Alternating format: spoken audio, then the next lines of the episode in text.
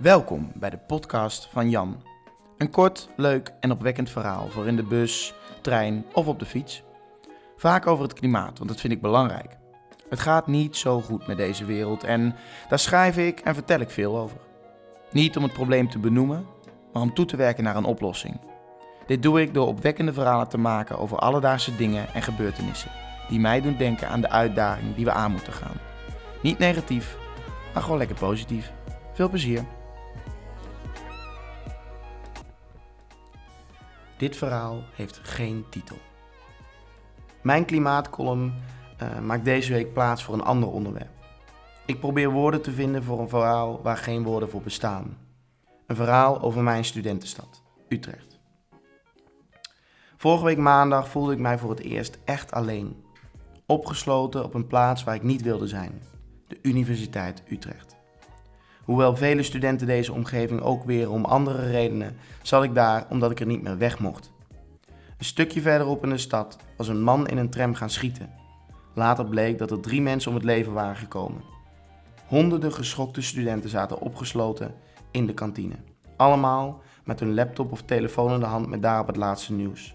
Voorbarige berichten werden verspreid op sociale media en de NOS had een ellenlange live-uitzending vanuit Utrecht. De samenleving werd opgeschrikt door een gebeurtenis die we vaak in het nieuws horen, maar waar we in de praktijk nog nooit mee te maken hebben gehad. De realiteit voelde even heel ontoegankelijk.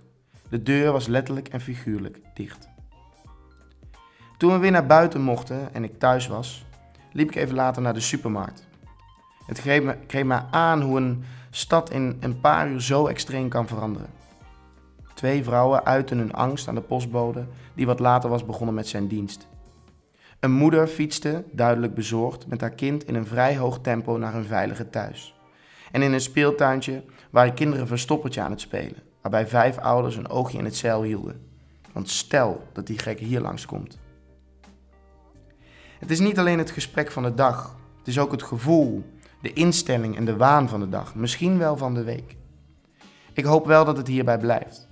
We horen vaker dat we onszelf niet neer moeten leggen bij dit soort idiote acties. Maar we kunnen niet ontkennen dat zo'n gebeurtenis de samenleving voor een lange tijd in haar greep houdt. Het is op dit soort momenten belangrijk dat we samen staan en niet gaan zitten.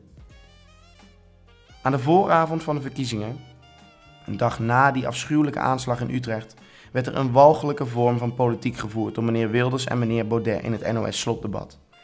Hierin werd maandagochtend gebruikt als politiek opstapje voor een populistisch onzinstatement. Dat er een argument uitrolt waar ik het niet mee eens ben, dat mag.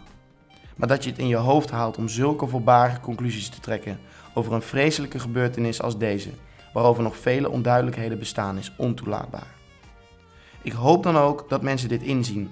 Dat mensen op deze partijen stemmen is alleen maar een prachtige uiting van de democratie waarin we leven. Maar respect blijft daar wel een onderdeel van. Een mooi voorbeeld is het boegroep bij de speech van Jesse Klaver, waarin Forum voor Democratie gefeliciteerd werd. Klaver drukte dit direct de kop in. We moeten niet schreeuwen en boer roepen, maar doen en samenwerken. Vertrouwen hebben in elkaar. Ook als anderen een afwijkende mening hebben. Als anderen anders zijn. Als anderen zichzelf zijn. We moeten ons niet meer verstoppen of weglopen voor anderen. Het mogen alleen die kinderen in het speeltuintje bij mij om de hoek. Onwetend en veilig. Zonder ouders die waken. Dankjewel.